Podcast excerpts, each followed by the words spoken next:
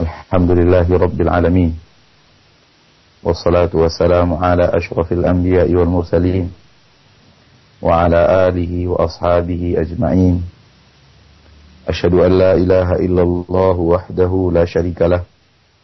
وأشهد أن محمدا عبده ورسوله صلى الله عليه وعلى آله وأصحابه ومن تبعهم بإحسان إلى يوم الدين.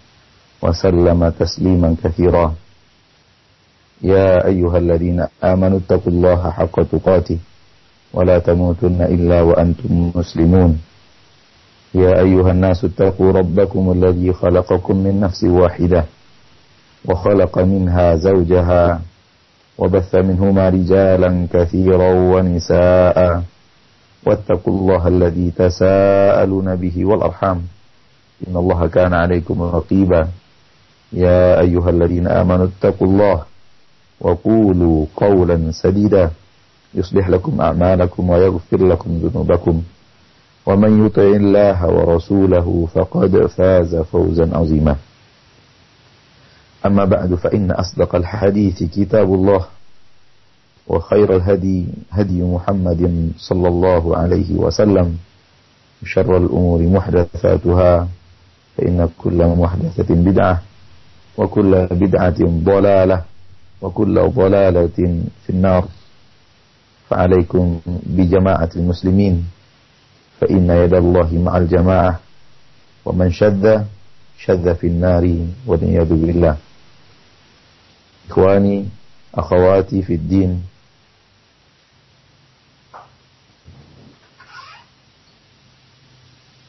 إخواني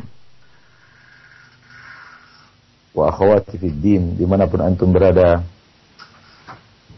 Rahimani wa rahimakumullah. Alhamdulillah.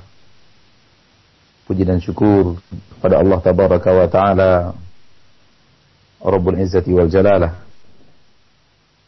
Rabbus samawati wal ard Maliki yaumiddin yang kembali mempertemukan kita pada pagi hari yang berbahagia ini melalui udara untuk saling tawasi bil haq wa tawasi bil sabr. Yang mana ini merupakan syarat untuk keluar daripada kerugian yang menyeliputi yang, yang menyelimuti dan meliputi manusia seperti yang Allah terangkan di dalam Al-Quran dalam surat yang sangat masyhur. Allah Subhanahu wa taala berfirman A'udzu billahi minasyaitonir rajim. Bismillahirrahmanirrahim. Wal 'asr. Demi masa innal insana lafi khusr. Sesungguhnya seluruh manusia berada di dalam kerugian. Illa kecuali ladina am'amilu salihat orang-orang yang beriman dan beramal soleh. Watawasau bil haq. Lalu mereka nasihat menasihati untuk kebenaran, untuk mencapai kebenaran, untuk istiqamah di atas kebenaran. Watawasau bis sabr. Lalu mereka nasihat menasihati untuk tetap bersabar di atas mendakwahkan dan istiqamah di atas kebenaran tersebut. Empat syarat untuk menjadi orang-orang yang keluar dari ruang lingkup kerugian yang menerpa mayoritas manusia. Dua syarat ada pada jiwa dan diri dan kemudian dua lagi untuk muamalah sesama kaum muslimin. Dua syarat untuk diri adalah alladzina amanu wa amilu salihat. Beriman dan beramal saleh. Yaitu beriman dengan ilmu yang hak, lalu mengamalkan ilmu tersebut dan iman tersebut dalam kehidupan sehari-hari, menggabungkan antara ilmu, iman, dan amal soleh. Dan ini adalah kesempurnaan atau kebaikan yang ada pada diri setiap orang-orang yang tidak merugi. Kemudian ada dua syarat untuk bermuamalah sesama kaum muslimin, yaitu watawasau bil haq, watawasau bis sabr. Dan pertemuan kita kali ini dan pertemuan kita sebelumnya dan pertemuan kita di masa-masa yang akan datang kalau Allah mudahkan adalah dalam rangka mewujudkan tawasau bil haq tawasau bis sabr. Kalau niat kita untuk menggapai kebenaran dan mencari kebenaran, maka kita wajib mengikhlaskan hati kita, jiwa kita untuk berbicara yang terbaik dan mendengar yang terbaik dan mengambil yang terbaik. Disebabkan jalan-jalan menuju ridho Allah tabaraka wa taala telah banyak diciptakan oleh manusia dengan hawa nafsunya. Baik mereka yang menciptakan jalan-jalan itu bermaksud dan bertujuan baik, namun salah dalam mencari jalan menuju Allah, ataupun ada yang menyengaja membuat jalan menuju Allah untuk merusak agama Allah tabaraka wa taala di permukaan bumi dan merusak kaum muslimin agar mereka salah jalan. Dan itu semua ada sehingga orang-orang yang ingin menuju Robnya, ridhonya, surganya, sering kewalahan mencari manakah gerangan jalan yang terbaik. Oleh karena itu butuh keikhlasan, ma'asyarul muslimin wal muslimat untuk bisa menjadi orang-orang yang menggapai kebenaran.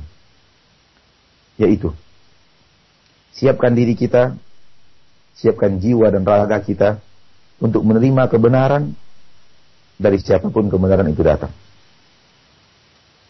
Kemudian, kalau seandainya ternyata kebenaran itu bertolak belakang dengan apa yang selama ini kita kita yakini, dengan apa yang selama ini kita amalkan, kita harus ikhlas dan segera berhenti daripada kesalahan yang kita lakukan tersebut. Walaupun kesalahan itu kita telah berada di atas jalan yang salah itu puluhan tahun.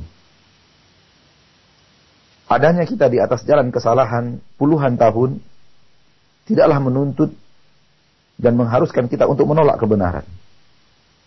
Bahkan datangnya jalan kebenaran setelah kita menempuh jalan kesalahan selama puluhan tahun adalah hidayah yang wajib untuk kita syukuri.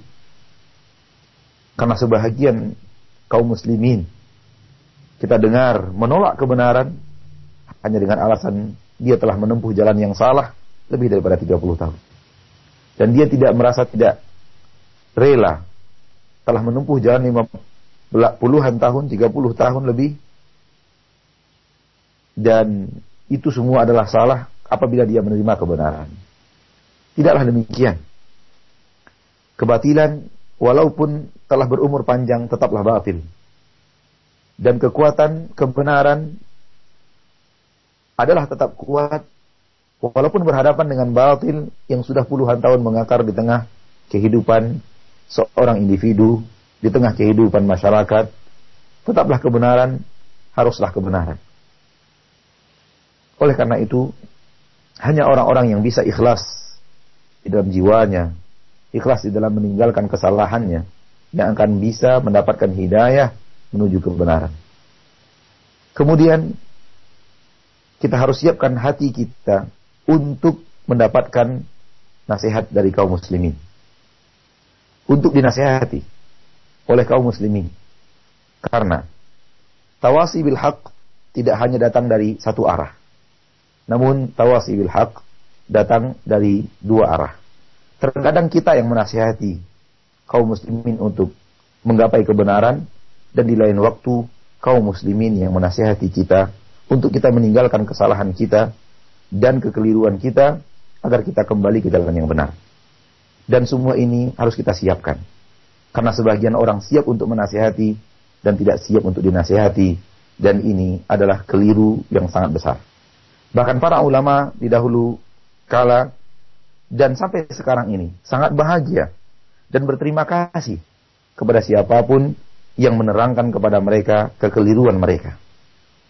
Mereka bahagia dan senang dan cinta kepada orang-orang yang bisa mendatangkan kepada mereka titik kesalahan mereka dan dan mengembalikan mereka kepada kepada kebenaran. Adalah Imam Asy-Syafi'i, Muhammad bin Idris Asy-Syafi'i rahimahullah yang namanya sangat masyhur terutama di negeri kita yang sayang yang kita cintai ini. Nama Imam Syafi'i adalah nama yang sangat harum dan mulia. Dan memang dia adalah orang yang pantas untuk harum dan mulia. Karena keikhlasannya menerima kebenaran. Ke kemuliaannya di dalam ilmu dan menebarkan ilmu dalam kehidupannya. Imam Syafi'i berkata, rahimahullahu taala, "Mana qashtu ahadan?" Aku tidak pernah berdiskusi dengan seseorang illa tamannaitu an yakunal haqqa minhu lahu lali Aku tidak pernah berdiskusi dengan seseorang melainkan aku selalu berangan-angan dan berandai-andai kebenaran itu datang dari lawan bicaraku, bukan dari diriku. Ingin sekali Imam Syafi'i setiap berdiskusi lawan bicaranya lah yang benar dan dialah yang salah. Itu yang beliau inginkan, subhanallah. Ma'akhlasah. Alangkah ikhlasnya hati seorang yang bernama Muhammad bin Idris Asy-Syafi'i. Wajar kalau kemudian beliau dimuliakan oleh Allah Subhanahu wa taala diharumkan namanya. Lihatlah kita yang selalu ingin menang dalam berbicara. Selalu ingin didengar dan tidak mau mendengar di dalam berdiskusi. Selalu tutup hati untuk menerima pendapat teman, pendapat lawan dalam berdiskusi. Tidak dengan beliau. Setiap berdiskusi, beliau ingin beliau yang kalah. Subhanallah. Alangkah waduknya Syafi'i rahimahullah dan beliau adalah salah satu di antara ulama ahlu sunnah yang biografinya harus kita baca untuk kita teladani budi pekerti beliau dan akhlak beliau yang luar biasa rahimahullah taala. Diriwayatkan dalam biografi Imam Syafi'i, beliau berdiskusi dengan Abu Ubaid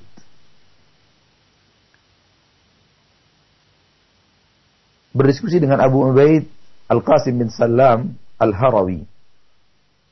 Tentang makna qur tentang makna qur yang ada dalam firman Allah Ta'ala wal mutallaqatu yatarabbasna bi anfusihinna thalathata quru awalnya Imam Bukhari Imam Asy-Syafi'i berpendapat bahwa al-qur adalah haid. Haid dan kemudian Imam Harawi berpendapat al-qur suci dari haid al-qur suci dari haid bukan haidnya akan tetapi suci dari haidnya. Berarti ada rentang waktu lima hari antara datangnya haid atau suci dari haid. Apakah batas iddah seorang wanita yang ditolak datangnya haid yang ketiga atau suci dari haid yang ketiga? Imam Syafi'i berpendapat datangnya haid dan Abu Ubaid Al-Harawi berpendapat suci dari haid yang ketiga.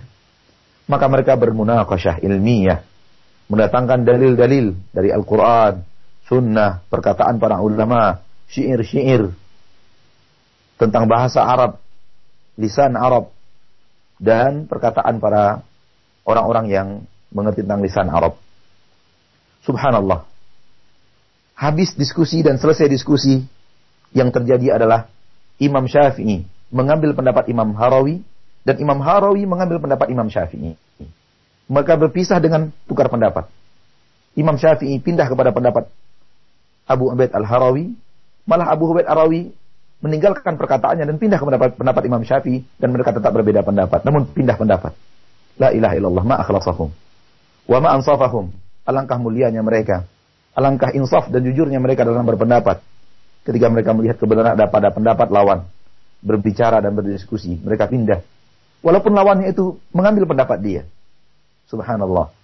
Hal ini perlu untuk kita teladani dan kita amalkan dan kita berusaha mengikuti jejak langkah mereka-mereka yang telah ikhlas kepada Allah tabaraka wa taala dalam mencari kebenaran. Ikhwani, akhwati fid din, rahimani wa rahimakumullah. Kembali kita bersama kitab Syekhul Islam Ibn Taimiyah rahimahullahu taala. Dan pada kesempatan kali ini kita masuk kepada perkataan beliau wa qawluhu subhanah wa tawakkal 'alal hayyil ladzi la yamut. Dan firman Allah Subhanahu wa taala wa tawakkal 'alal hayyil ladzi la yamut. Dan bertawakallah engkau kepada al-hayy yang maha hidup alladzi la yamut yang tidak meninggal yang tidak akan meninggal Ayat ini terdapat dalam surah Al-Furqan ayat 58. Perintah untuk bertawakal kepada Allah tabaraka wa ta'ala rabbul izzati wal jalalah. Yang mana Allah ini memiliki nama Al-Husna. Di antara nama Al-Husna tersebut, Asma'ul Husna tersebut adalah Al-Hayyu. Yang bermakna Allah yang memiliki sifat maha hidup. Selalu kita katakan ma'asyarul muslimin wal muslimat bahwa setiap sifat yang dimiliki oleh Allah tabaraka wa taala Rabbul Izzati wal Jalalah setiap sifat yang dimiliki oleh Allah tabaraka wa taala baik sifat itu ada di dalam kandungan Asmaul Husna atau sifat itu adalah sifat yang dimiliki oleh Allah dan Allah terangkan merupakan sifat Allah. Namun tidak ada dalam kandungan Asmaul Husna. Dia adalah sifat khabariyah dan tidak ada di dalam asma' Seluruh sifat tersebut Allah memiliki puncak kesempurnaan daripada sifat tersebut. Maka ketika Allah memiliki sifat Al-Hayyu, sifat Al-Haya dan namanya Al-Hayyu subhanahu wa taala dan sifatnya Dzu Al-Haya memiliki kehidupan maka kehidupan yang dimiliki Allah tabaraka wa taala Rabbul Izzati wal Jalalah adalah kehidupan yang sempurna. Puncak kesempurnaan dalam hidup. Gimana? Apabila kita bandingkan kesempurnaan hidup yang dimiliki Allah tabaraka wa taala dengan ketidaksempurnaan hidup yang dimiliki oleh makhluk, maka kita bisa menemukan beberapa perbedaan yang menunjukkan akan, kesempurnaan Allah Subhanahu wa taala. Pertama, Allah Subhanahu wa taala memiliki sifat hidup yang sempurna di mana kehidupan Allah Subhanahu wa taala tidak bermula dan ini telah kita bahas pada pertemuan kita sebelum ini. Kedua, kehidupan Allah Taala tidak berakhir. Sebagaimana yang kita bahas pada pertemuan kita sebelum ini. Masyaallah muslimin. Ada makhluk bermula dan berakhir. Makhluk bermula dan berakhir. Oleh karena itu, kehidupan makhluk adalah kehidupan yang kurang. Allah berfirman, "Hal ata'a 'alal insani hinu minad dahr lam yakun syai'an madhkura. Inna khalaqnal insan. Tidakkah datang kepada manusia suatu masa, suatu waktu, di mana ketika itu dia bukanlah sesuatu yang bisa untuk disebut. Dia bukanlah sesuatu yang bisa untuk disebut. Nggak ada dia. Orang nggak, pernah menyebut dia. Sebelum kita lahir, orang tidak kenal siapa kita. Dan orang tidak tahu siapa kita. Bahkan ayah dan ibu kita sebelum kita lahir tidak tahu siapa kita. Apalagi orang lain selain ayah dan ibu kita yang lebih kenal kepada kita. Tidak ada. Tidak disebut, tidak bisa disebut apa pun. Inna khalaqnal insan. Kami yang telah menciptakan manusia. Kata Allah taala. Artinya makhluk kita pernah mengalami masa bahwa kita tidak ada. Dan itu tidak dimiliki oleh Allah dalam kehidupan yang sempurna. Dan kita akan berakhir dengan kematian di permukaan bumi ini. Dan itu tidak dimiliki oleh Allah dengan kehidupan yang maha sempurna. Allah subhanahu wa ta'ala huwal awwal wal akhir. Rabbul Izzati wal Jalalah. Kemudian kehidupan Allah Subhanahu wa taala maha sempurna. Di mana kehidupan sempurna yang dimiliki oleh Allah Subhanahu wa taala, Allah tidak pernah tidur. Bahkan tidak pernah ngantuk. Rabbul Izzati wal Jalalah. Dan inilah kesempurnaan hidup yang diterangkan oleh Allah Tabaraka wa taala. Rabbul Izzati wal Jalalah la ta'khudhuhu sinatun wala naum. Allah Subhanahu wa taala tidak pernah kantuk dan juga tidak pernah tidur. Jangankan tidur kantuk aja tidak. Rabbul Izzati wal Jalalah. Dan ini menunjukkan kesempurnaan kehidupan. Karena ketika kita ngantuk, kita keluar dari kesempurnaan hidup. Apalagi ketika kita tidur. Manusia berada pada titik lemah yang sangat lemah di saat dia tidur. Kapankah kita lemah di titik yang paling lemah? Tidur. Ketika kita tidur. Kita tidak pernah lemah selemah tidur. Di saat kita tidur. Bahkan semut yang kecil pun bisa menggigit kita. Bahkan nyamuk yang lemah pun bisa mengisap darah kita. Di saat kita tidur. Maka manusia lemah dalam kehidupannya. Dan titik yang paling lemah di saat dia sedang tidur. Oleh karena itu dia butuh penjagaan Allah di dalam tidurnya. Dia butuh penjagaan Allah ketika tidur. Kalau tidak Allah yang menjaganya, dia berada pada posisi yang sangat lemah sekali. Makanya Allah Subhanahu wa taala mensyariatkan zikir untuk kita ucapkan sebelum tidur yang dengannya Allah akan menjaga kita di dalam tidur kita. Kemudian kesempurnaan kehidupan Allah tabaraka wa taala Rabbul Izzati wal Jalalah bahwa hidup Allah Subhanahu wa taala tidak membutuhkan makanan. Tidak membutuhkan makanan Rabbul Izzati wal Jalalah. Tidak tergantung kepada apa pun. Sehingga dia tidak tergantung kepada makanan dan minuman. Rabbul Izzati wal Jalalah. Kehidupan Allah maha sempurna. Dan kita dalam hidup tergantung kepada banyak hal. Tergantung kepada banyak hal. Masya Allah muslimin. Seandainya air tidak ada, kita tidak bisa hidup. Seandainya oksigen tidak ada, kita tidak bisa hidup. Kita tergantung kepada banyak hal dalam kehidupan kita. Dan Allah subhanahu wa ta'ala ghaniyun. Tidak membutuhkan apa pun. Oleh karena itu, seluruh yang makan dan minum tidak berhak untuk menjadi ilah. Seluruh yang makan dan minum tidak berhak untuk menjadi ilah. Makanya ketika Allah tabaraka wa taala berbicara tentang para nabi dan para rasul seperti Allah berbicara tentang Nabi Isa dan Allah bicara tentang ibunya Maryam. Mereka disebut oleh Allah bahwa mereka makan. Kana yakulani ta'am.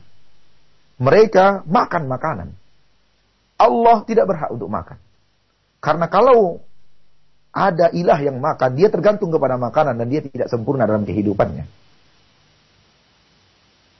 Dan Allah Subhanahu wa taala dengan ayat ini menyatakan seluruh yang makan tidak berhak untuk menjadi ilah. Apalagi yang diberi makan. Subhanallah. Manusia memberi makan kepada sapi. Pantaskah sapi dijadikan ilah? Manusia memberikan makan kepada hewan-hewan yang dia sucikan. Pantaskah hewan yang dia beri makan itu, itu yang dijadikan ilah? Ainal aql. Di mana letak akal manusia? Yang dia dia yang memberikan makan kepada hewan tersebut, lalu hewan tersebut yang dianggap sebagai ilah, mengatur alam semesta, dewa dan semacamnya. Nauzubillah minal khudlan. Kita bersindung kepada Allah daripada kehinaan di dalam kehidupan kita di permukaan bumi. Masyaallah muslimin wal muslimat. Kesempurnaan hidup yang dimiliki oleh Allah tabaraka wa taala di mana Allah tidak pernah dilahirkan. Karena yang dilahirkan maka kehidupannya tidak sempurna. Maka Allah Subhanahu wa taala laisa lahu aslun. Dia tidak memiliki ayah dan ibu. Dia tidak dilahirkan Rabbul Izzati wal Jalalah. Dan ia juga tidak melahirkan anak. Karena yang membutuhkan anak tidak sempurna hidupnya. Dan ia juga tidak membutuhkan istri. Karena yang membutuhkan istri hidupnya tidak sempurna. Maka di antara bentuk ketidaksempurnaan hidup makhluk bahwa dia memiliki ayah. Dia memiliki anak. Dan dia tergantung kepada ayah. Dan bergantung kepada anaknya di masa tuanya. Dan dia merasa hidupnya tidak sempurna apabila dia tidak memiliki istri. Sehingga ada ketergantungan kepada makhluk lain. Itulah makna daripada ketidaksempurnaan hidup makhluk. Dan kesempurnaan hidup Allah di mana Allah tidak membutuhkan semua itu. Rabbul Izzati wal Jalalah. Lam yalid wa lam yulad. Ia tidak pernah melahirkan dan juga tidak pernah dilahirkan.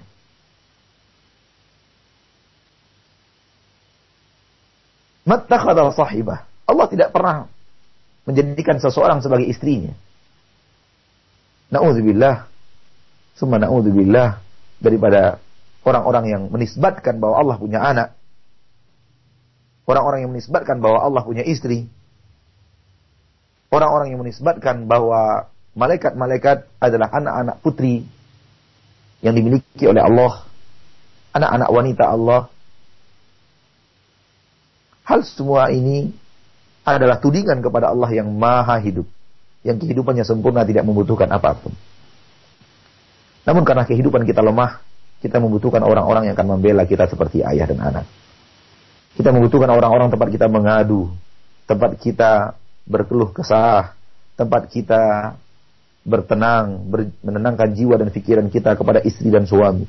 Itu karena kita lemah. Namun Allah yang maha perkasa. Dan Allah yang maha kuat. Allah yang maha sempurna tidak membutuhkan semua itu. Ini di antara perbandingan-perbandingan hidup Allah tabaraka wa taala yang maha sempurna. Sifat hayah yang dimiliki oleh Allah yang maha sempurna Rabbul Izzati wal Jalalah. Dengan kehidupan kita yang tidak sempurna.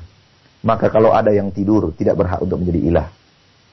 Kalau ada yang makan tidak berhak menjadi ilah. Kalau ada yang punya ayah tidak berhak menjadi ilah. Kalau ada yang punya ibu tidak berhak menjadi ilah. Kalau ada yang punya anak tidak berhak untuk menjadi ilah. Apalagi yang tidak bisa berbicara. Subhanallah. Tidak bisa berbicara. Tidak bisa berjalan. Tidak punya mata. Tidak punya telinga. Itu kemudian diyakini sebagai ilah. Diibadati selain Allah. Batu, pohon, kuburan. Diibadati selain Allah. Alangkah sesatnya pemahaman ini. Alangkah sesatnya manusia yang menjadikan batu yang tidak mendengar, tidak melihat, tidak bisa berbicara sebagai ilah. Tandingan untuk Allah Taala. Alangkah sesatnya mereka. Jauh lebih sesat daripada mereka-mereka yang menjadikan Masih sebagai ilah. Walaupun kesesatan itu sama-sama sesatnya. Namun, abdalalatu darakat. Kesesatan itu bervariasi. Dan ada satu yang lebih sesat daripada yang lainnya. Walaupun kesesatan daripada kesyirikan sama-sama. Al-kufru millatun wahidah. Kufur itu satu milah saja. Namun dia ala darajat. Ber, ber, beraneka ragam. Dan dan ada yang lebih sesat daripada yang lainnya. Para nabi dan rasul orang mulia. Kalau ia dijadikan ilah selain Allah, sesat. Namun kemudian batu dan pohon dijadikan ilah selain Allah, lebih sesat lagi. Lebih sesat lagi. Dan ada orang yang menjadikan syaitan, iblis sebagai ilah selain Allah, lebih sesat lagi. Karena iblis dan syaitan lebih hina daripada batu dan pohon. Batu masih beribadah kepada Allah. Pohon masih beribadah kepada Allah. Adapun syaitan, makhluk yang kufur. Oleh karena itu, ma'asyarul muslimin, adanya orang-orang yang penyembah syaitan yang hidup dalam kehidupan kita sekarang adalah manusia tersesat di permukaan bumi. Manusia yang paling sesat, kelompok yang paling sesat yang mengibadati syaitan. Ma'asyarul muslimin wal muslimat. Kembali kita kepada ayat tadi, wa tawakkal 'alal hayy. Bertawakallah engkau kepada yang maha hidup. Alladzi la yamut. Dan kemudian Allah kuatkan kehidupan Allah ini kesempurnaannya di mana Allah yang maha hidup ini tidak akan pernah untuk meninggal. Nabi Muhammad Sallallahu Alaihi Wasallam adalah manusia, sebagaimana yang lain adalah manusia, seperti kita adalah manusia. Maka sunnatullah kepada bani Adam, dia meninggal.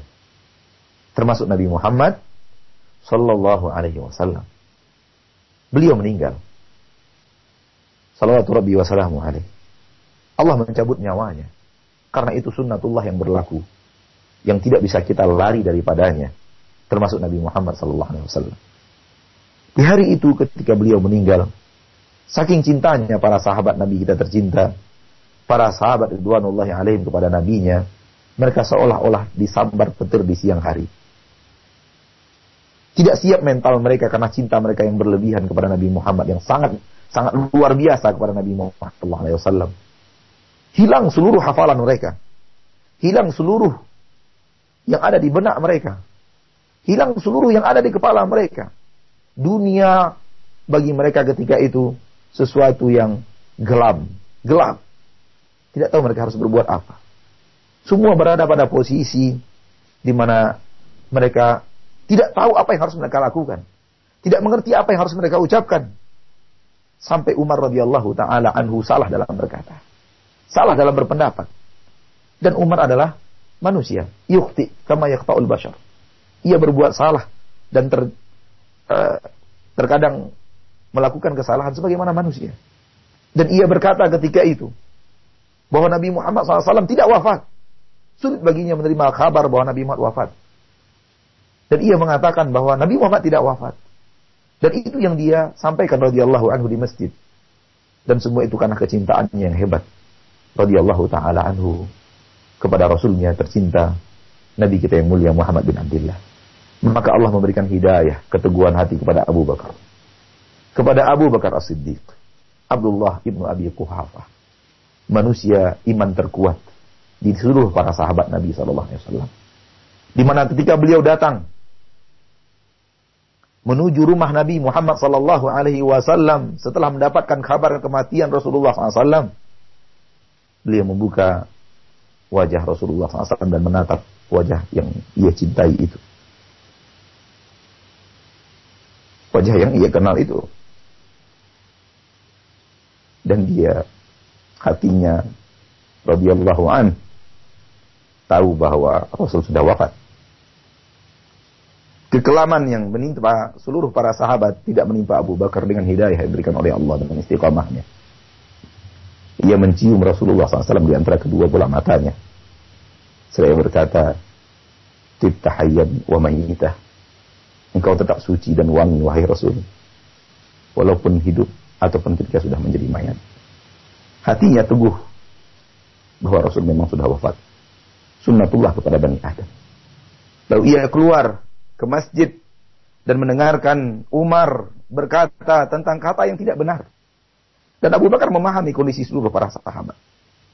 Termasuk Umar. Dan ia berkata kepada Umar, diamlah wahai Umar. Ketika itu Umar tidak kunjung diam. Dan Abu Bakar mulai berbicara dan manusia mengarah kepada Abu Bakar. Abu Bakar mengatakan, "Man kana ya'budu Muhammadan fa inna Muhammadan qad mat." Barang siapa yang menyembah Muhammad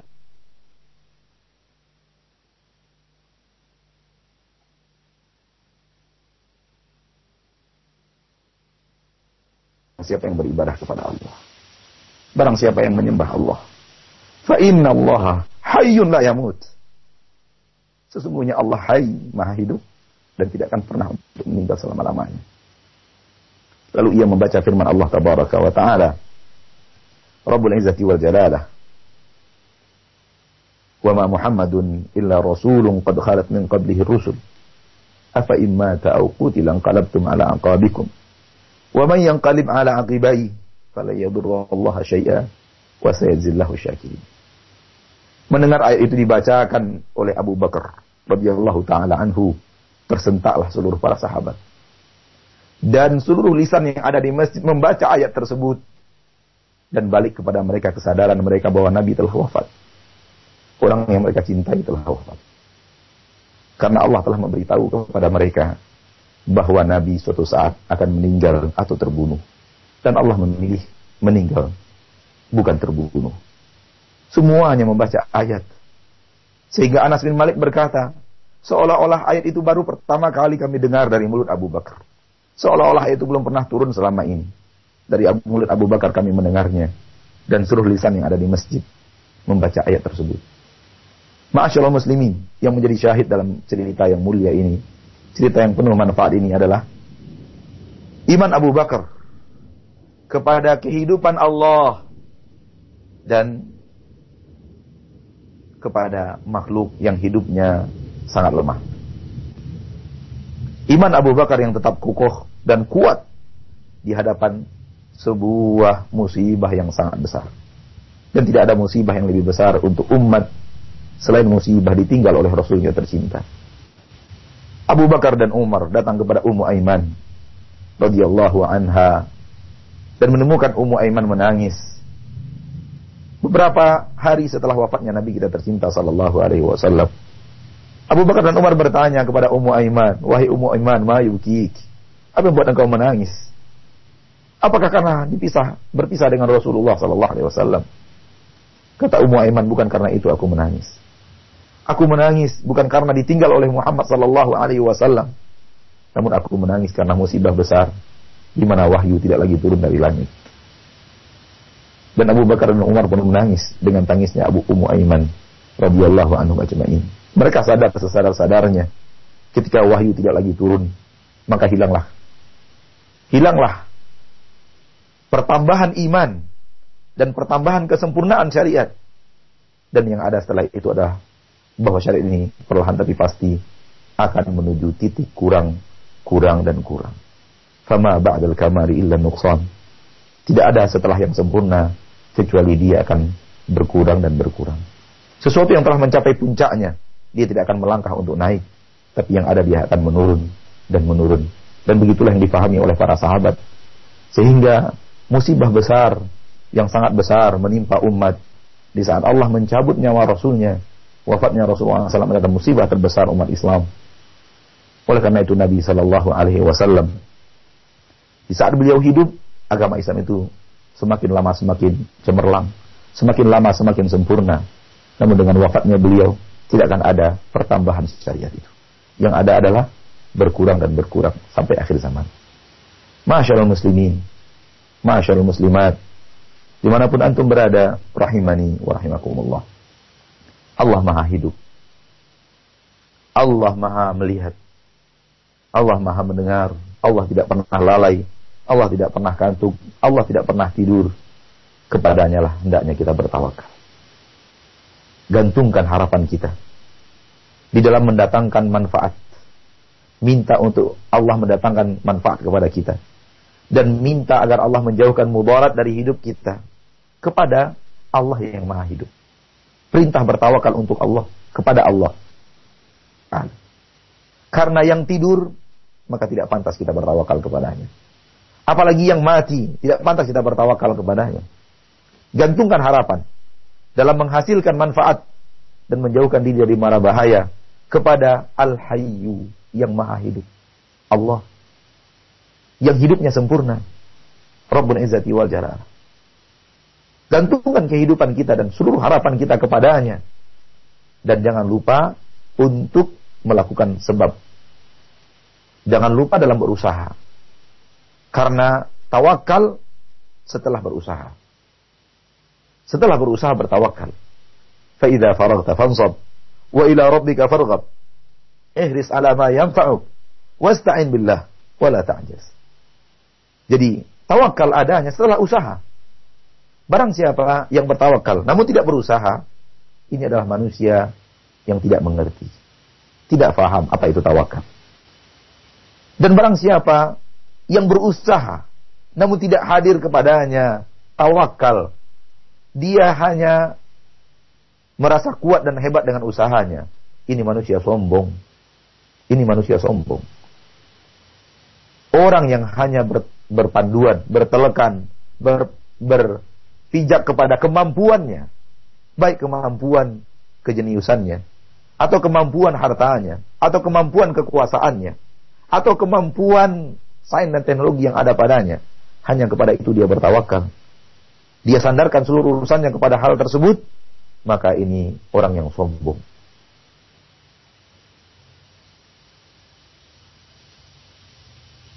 Oleh karena itu Allah Taala akan memperlihatkan kepada kita kemampuannya dan kemurkaannya kepada orang-orang yang sombong. Dan mungkin jatuhnya pesawat Sukhoi bagian daripada apa yang Allah tontonkan kepada kita. Bahwa tidak boleh kita terlalu takjub dengan sains dan teknologi. Tak boleh kita terlalu bertelekan dan berpijak kepada kecanggihan sains dan teknologi. Tak ada yang menyangka bahwa dia akan jatuh di Gunung Salak. Dia hanya terbang sebentar, padahal dia sudah terbang dari Rusia. Ma'asyarul muslimin, ma'asyarul muslimat. Oleh karena itu, Mari kita serahkan hidup kita kepada Allah. Di dalam ingin untuk mendapatkan manfaat. Ketahuilah bahwa manfaat itu di tangan Allah. Minta kepadanya.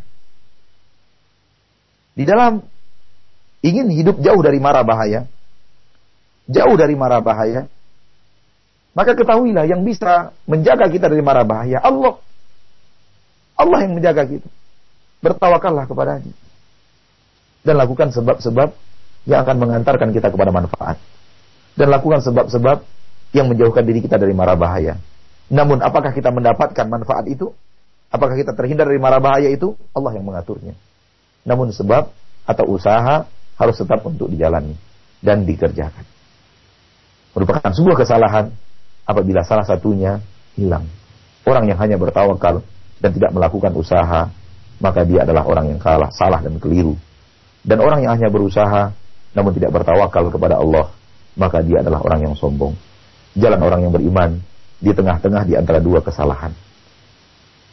Yaitu dia berusaha, dia melakukan ikhtiar, dia melakukan musyawarah, dia melakukan analisa, lalu kemudian dia mulai berusaha dan dia serahkan seluruh urusannya kepada Allah tabaraka wa taala. Inilah yang bisa kita sampaikan pada pertemuan kita yang berbahagia ini. Semoga pembicara mendapatkan manfaat dari apa yang ia bicarakan. Demikian juga dengan kaum muslimin dan muslimat. Di mana pun antum berada rahimani wa rahimakumullah. Kita kembalikan kepada akhuna Fawaz. Falyatafaddal. Jazakallah khairan atas materi yang telah disampaikan serta nasihat yang penuh manfaat yang telah Ustaz berikan di kesempatan pagi hari ini. Semoga Allah Subhanahu wa taala memberkahi dan menjaga Al-Ustaz beserta keluarga dan saudara seiman seakidah di mana pun Anda, para pendengar Radio Hidayah FM di 103,4 Pekanbaru juga Radio Roja. Untuk para pendengar Radio Roja di 756 AM juga para pendengar yang lainnya kami berikan kesempatan untuk Anda bersoal jawab kepada Al Ustaz dan kami akan berikan hanya untuk pertanyaan via pesan singkat saja. Silakan bisa hubungi kami. Kirimkan pertanyaan Anda melalui pesan singkat di 0819896543 Baik, satu pertanyaan yang kami angkat dari pendengar kita, Bapak Andrianto di eh, Sumatera Barat yang bertanya, Ya Ustadz, bagaimanakah kedudukan uh, dari peninggalan Rasulullah Shallallahu Alaihi Wasallam berupa jejak ataupun berupa barang atau benda Bolehkah bagi kita untuk memelihara benda atau tempat tersebut agar umat Islam bisa mengambil pelajaran darinya? Ataukah harus dimusnahkan agar umat tidak terjatuh ke dalam kesyirikan? Dengan konsekuensi kita kehilangan jejak historis dari Rasulullah Shallallahu Alaihi Wasallam. Mohon penjelasannya, jazakallah khairan ya Ustaz. Masyarul muslimin, masyarul muslimat. Cinta kita kepada Rasul kita sallallahu alaihi wasallam adalah cinta yang datang dari hati yang tulus dan ikhlas. Jadikan kecintaan kita kepada Nabi kita tercinta sallallahu alaihi wasallam. Bukan hanya di lisan, bukan hanya di ungkapan kata, namun benar-benar berasal dari dada, berasal dari dalam hati yang paling jujur, mahabbatun sadiqah li Rasulillah SAW. Dan Rasulullah SAW menggambarkan kejujuran itu. Apabila kita benar-benar jujur dalam mencintai Rasulullah SAW. Rasulullah memberikan gambarannya. Rasulullah SAW berkata, Wadibtu an law ra'ayna ikhwanana. Aku ingin untuk bertemu dengan saudara-saudara kita kepada para sahabat Nabi mengatakan. Aku ingin sekali untuk bertemu dengan saudara-saudara kita. Para sahabat bertanya, awalasna ikhwanaka ya Rasulullah. Bukankah kami saudara-saudaramu wahai Rasul? Qala bal antum ashabi. Tidak. Kalian itu sahabat-sahabatku. Ikhwanana, ikhwan kita, saudara-saudara kita adalah orang-orang yang datang setelah kita. Tidak pernah bertemu denganku namun ia ingin bertemu denganku walaupun harus dia korbankan seluruh hartanya dan keluarganya. Masya Allah muslimin. Masya Allah muslimin. Kalau kita jujur dalam akidah kita, cinta kita kepada Nabi Muhammad SAW, maka yang harusnya ada di dalam hati kita adalah kita ingin bertemu dengan Nabi Muhammad Sallallahu Alaihi Wasallam, walau dalam satu kali saja kalau bisa, hanya sekedar untuk bersalaman dengan Nabi Muhammad dan berpelukan Walaupun harta kita harus dikorbankan seluruhnya untuk itu. Demi Allah, orang yang benar-benar jujur mencintai nabinya. Dia rela kehilangan seluruh hartanya. Dia rela, rela kehilangan seluruh keluarganya. Kalau itu konsekuensi untuk bertemu, ber, bersalaman dan berpelukan dengan Nabi Muhammad Sallallahu Alaihi Wasallam. Kalaulah bisa, kita akan lakukan. Kalaulah bisa, kita akan lakukan. Kalaulah bisa, kita akan lakukan ma'asyul muslimin. Namun itu tidak bisa. Tidak ada kesempatan untuk bertemu dengan Nabi Muhammad di permukaan bumi. Tapi ini bukti cinta yang tulus. Ini bukti cinta yang ikhlas. Demi Allah kalau yang diminta dikorbankan adalah seluruh harta dan anak dan keluarga dan istrinya. Dia akan lakukan itu. Untuk bertemu Nabi Muhammad. Untuk bertemu Rasulullah. Sallallahu Alaihi Wasallam. Bandingkan orang ini dengan mayoritas kaum muslimin sekarang yang ada di benaknya hanya bertemu selebriti, bertemu fans, la ilaha illallah. Bainal masyriqi wal maghrib, perbedaan antara timur dan barat. Mana kecintaan mereka untuk bertemu dengan Nabi mereka tercinta sallallahu alaihi wasallam? Mana keseriusan mereka dalam cinta mereka kepada Nabi Muhammad sallallahu alaihi wasallam? Maka cinta kita kepada Nabi kita sallallahu alaihi wasallam kalau memang jujur, maka yang ada adalah seperti yang dikatakan Nabi Muhammad SAW dalam hadis tadi. Ma'asyal muslimin, ma'asyal muslimat. Adapun berhubungan dengan histori berupa gua Hira atau gua Thur atau tempat-tempat lain seperti Jabal Rahmah yang di bawah kaki Jabal Rahmah itu Nabi Muhammad SAW melakukan wukuf. Maka seluruh tempat itu mengingatkan kita kepada Nabi Muhammad Sallallahu Alaihi Wasallam. Namun tidak ada kewajiban bagi kita. Tidak ada kewajiban bagi kita ma'asyarul muslimin. Untuk harus sampai ke gua Hiro itu. Tidak ada kewajiban sama sekali. Jangankan wajib, sunnah pun tidak. Sunnat yang di bawah wajib hukumnya pun tidak. Karena setelah Nabi Muhammad meninggalkan gua Hira, bertemu malaikat Jibril pertama kali, Nabi tidak pernah lagi naik ke sana. Dan Nabi SAW tidak pernah menyuruh umatnya untuk naik gua Hira. Abu Bakar, Umar, dan Utsman bahkan tidak pernah naik ke gua itu. Sejauh yang kita tahu. Nabi pun tidak pernah menyuruhnya. Ma'asyarul muslimin wal muslimat. Agama Nabi Muhammad, kalau kita benar cinta kepada Nabi Muhammad, yang kita ikuti agamanya. Yang kita ikuti agamanya. Bukan tempat di mana dia pernah berada. Kecuali tempat itu adalah rangkaian daripada ibadah. Seperti Arafah, Musdalifah Mina. Khudu anni manasikakum. Pelajari dari saya cara tata cara manasik haji kalian. Adapun tempat-tempat seperti Gua Thur dan Gua Hira, tidak ada ibadah sunat pun untuk menaikinya apalagi untuk dirawat dan dijadikan tempat yang wisata yang sangat hebat. Semua itu bukti kecintaan kepada Nabi Muhammad itu bukanlah bukti kecintaan. Terbukti orang-orang yang naik ke Gua Hira melakukan hal-hal yang terlarang di, di Gua Hira tersebut. Mengambil berkah dari batu-batunya. Mengambil berkah dari pasir-pasirnya dan membawanya pulang. Dan kemudian melakukan sholat di Gua Hira. Entah sholat apa yang mereka lakukan. Melakukan sholat di Gua Hira. Tidak ada syariatnya sholat di Gua Hira. Lalu mereka sholat di sana. Dan mereka sholat subhanallah menghadap ke dalam gua Hira. Padahal kiblat di arah pintu gua Hira. Itu apabila kita berdiri di pintu gua Hira dan gua Hira di belakang kita, ke arah itulah kiblat. Ke arah itulah Ka'bah. Dan Nabi Muhammad SAW ketika duduk-duduk di gua Hira itu menatap ke Ka'bah. Gua Hira ada di belakangnya. Sekarang kaum muslimin naik ke gua Hira dan sholatnya menghadap ke dalam gua Hira berarti membelakangi Ka'bah. Semua itu kejahilan yang terjadi pada umat Islam. Padahal sekarang ini sangat gampang dia melihat mana kiblat. Akan tapi tidak tahu bagaimana membuat mereka lalai, apa yang menjadikan semua itu sehingga tidak nampak baginya di mana Ka'bah. Padahal sekarang Ka'bah itu sangat jelas arahnya dan tujuannya setelah berdirinya bangunan tinggi yang ada di samping Ka'bah tersebut. Masyaallah muslimin dan muslimat. Adapun berhubungan dengan rambut Rasul, berhubungan dengan pedang Rasul yang katanya ada di beberapa museum di permukaan bumi ini. Katanya ada di Mesir, katanya ada di e, Turki dan semacamnya. Pertama yang harus kita lakukan adalah analisa ilmiah yang sangat amanah. Apakah benar ini rambut Rasul? Sallallahu alaihi wasallam. Apakah benar ini adalah pedang yang pernah dimiliki oleh Rasul sallallahu alaihi wasallam? Kalau kita ragu tinggalkan. Tapi kalau kita yakin, saya yakin yakinnya setelah penelitian ilmiah, maka rambut ini adalah rambut yang penuh dengan berkah. Yang pernah dilakukan Nabi Muhammad SAW dahulu, ketika beliau haji dan memotong rambutnya, mengundul kepalanya.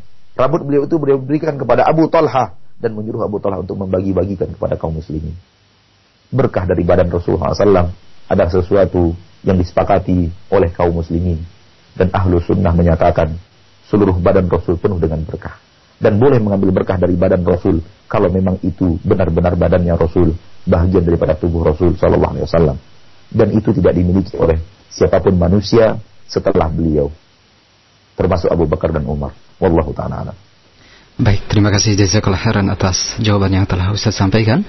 Kita angkat yang berikutnya, yang kedua, pertanyaan yang bisa kami ajukan dari Bapak Enjang Rosidin yang saat ini di e, perjalanan yang bertanya, ya Ustadz, bagaimanakah urgensi dari pengkodifikasian akidah karena saya sering mendengar di uh, radio Roja atau radio lainnya juga secara uh, sering saya dengar di kajian-kajian ada istilah yang dipakai oleh para ulama dalam penyusunan uh, buku dengan uh, mengambil judul akidah wasitiyah sebagaimana yang kita simak pagi ini ada juga akidah uh, ahlus sunnah wal jamaah dan akidah-akidah yang lainnya yang dinisbatkan uh, secara khusus oleh para ulama kepada uh, kepada sesuatu yang mungkin dari sebagian kaum muslimin tidak mengetahuinya. Mohon penjelasan dari hal ini jazakallah khairan ya Ustaz. Mohon diulang aku udah Fawwas. Nah, ya bagaimanakah Nah, nah bagaimanakah urgensi dari pengartian uh, pembedaan dari arti akidah yang kemudian dipakai oleh para ulama ke dalam kitab-kitab mereka? Mohon disyarah apa maksud daripada beliau? Anda tidak mengerti dengan baik. Ya, uh, bagaimanakah uh, arti dari uh, kata akidah itu sendiri Ustaz.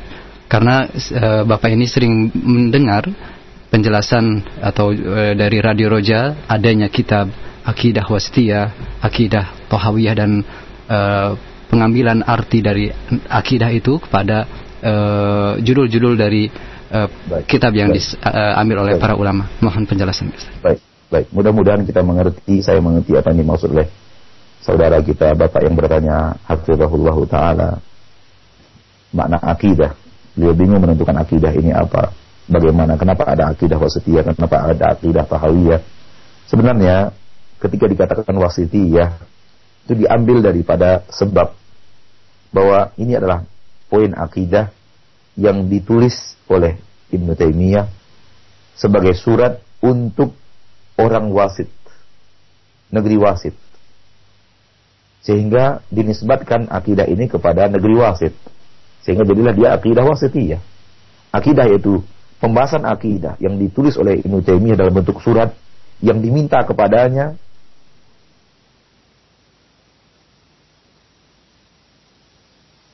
Nah, Ustaz. Oleh kaum atau kaum muslimin dan namun untuk menyatakan bahwa ini adalah kitab akidah yang dikarang oleh Ibnu Taimiyah di dalam penjara. Ketika ia menulis surat untuk ahli wasit, untuk penduduk wasit, Pak. Sehingga dinamakanlah kitab ini kitab akidah wasitiyah. Akidah dari kaum muslimin yang menerima surat dari Ibnu Taimiyah dan mereka berada di negeri wasit. Penisbatan begitu. Kemudian Tahawiyah, karena dia dikarang oleh Imam At-Tahawi. Kitab akidah itu dikarang oleh Imam At-Tahawi. Jadi itu penamaan saja Bapak. Penamaan.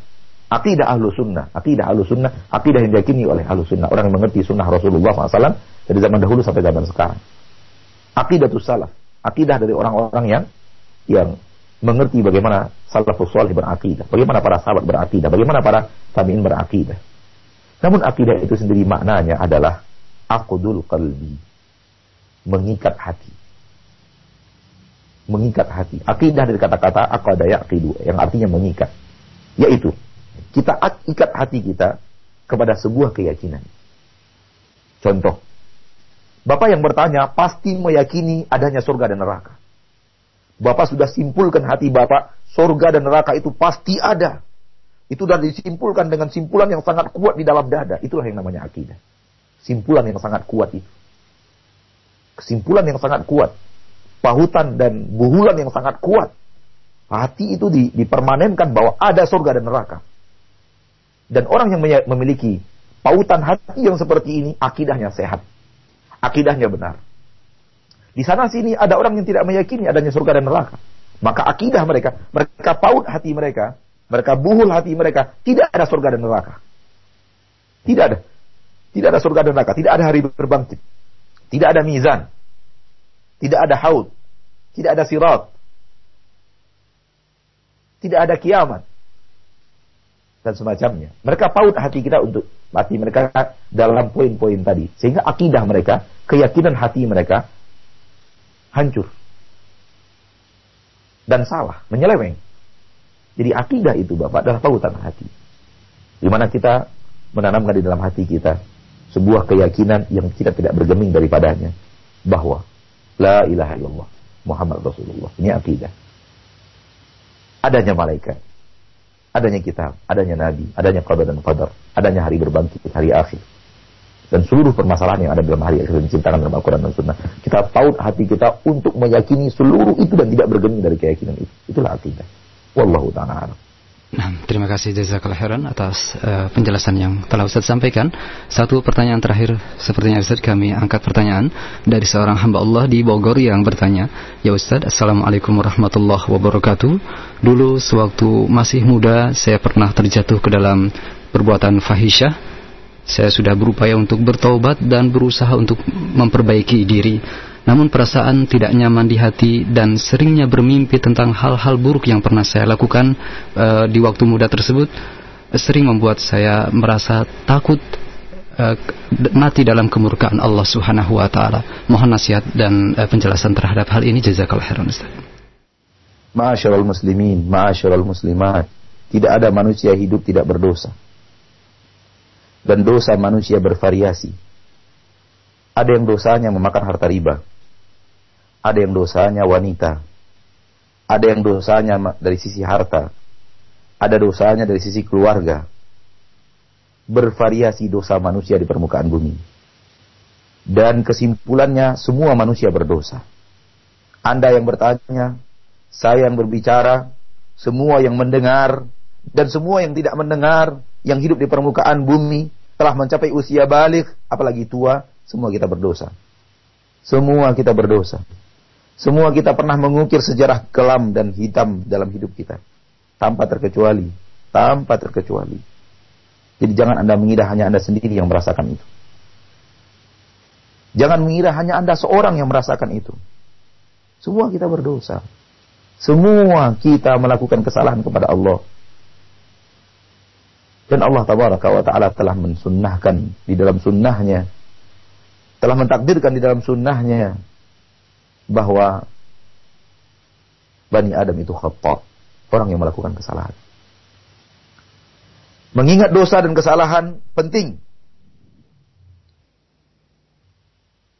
Mengingat dosa dan kesalahan bisa menimbulkan efek positif sembari atau juga dia bisa menimbulkan efek negatif. Dan yang diinginkan oleh Allah dan Rasulnya di dalam syariat Islam adalah mengingat dosa yang akan menimbulkan efek positif.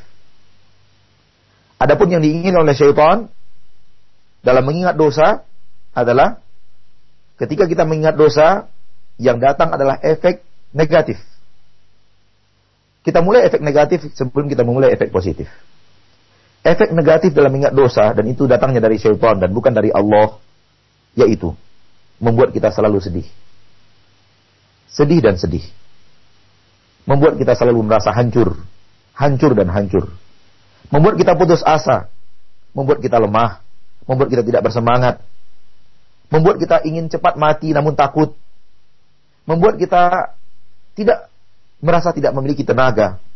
Di rumah kita takut, di kantor kita takut, apalagi di jalan raya. Sehingga tidak berani keluar rumah, ada yang tidak berani membawa mobil dan semacamnya. Dan ini adalah efek negatif daripada mengingat dosa. Datangnya dari syaitan. Dan itu bukanlah ibadah. Dan itu bukanlah ketaatan. Karena salah satu daripada keinginan syaitan liyahzunal ladina amanu agar orang-orang yang beriman selalu merasa sedih. Maka ini adalah jebakan syaitan. Kemudian kita mulai berbicara efek positif daripada mengingat dosa. Sekali lagi semua kita berdosa. Kalau kita hadir di sebuah majelis jumlahnya 100 ribu, ketahuilah bahwa semua yang 100 ribu hadir itu berdosa. Bukan hanya kita. Kemudian kita katakan tadi bahwa kita berbicara tentang efek positif daripada mengingat dosa. Efek positif mengingat dosa, ma'asyarul muslimin, ma'asyarul muslimat, terutama akhuna yang bertanya, barakallahu fiqh. Efek positif mengingat dosa adalah menimbulkan semangat ibadah. Membakar semangat taat. Semakin kita ingat dosa, semakin kita rajin beribadah. Kita katakan kepada jiwa kita, wahai jiwa, Kamu telah melalui masa-masa kelam. Kamu telah melalui masa-masa suram. Saatnya kamu bangkit untuk beribadah kepada Allah. Agar hilang masa surammu. Agar hilang masa kelammu. Dan berganti dengan masa-masa yang bersinar dan berbinar. Taat kepada Allah ta'ala. Wahai muta'at, agar taatmu menghanguskan maksiatmu. Wahai jiwa saatnya kamu untuk ruku dan sujud. Agar dia menghilangkan fahisyah yang pernah kau lakukan. Innal hasanat yudhibna sayyiat. Sesungguhnya kebaikan-kebaikan yang dilakukan manusia akan menghapuskan kesalahan-kesalahannya. Kepada Mu'ad bin Jabal Nabi berpesan, wa atbi' sayyi'atal hasanata tamhuha. Iringi perbuatan salah yang telah engkau lakukan dengan perbuatan baik. Niscaya perbuatan baik itu akan menghapuskan kesalahanmu. Maka inilah efek positif daripada mengingat dosa. Semakin kita mengingat dosa, semakin terbakarlah semangat beribadah kita kepada Allah.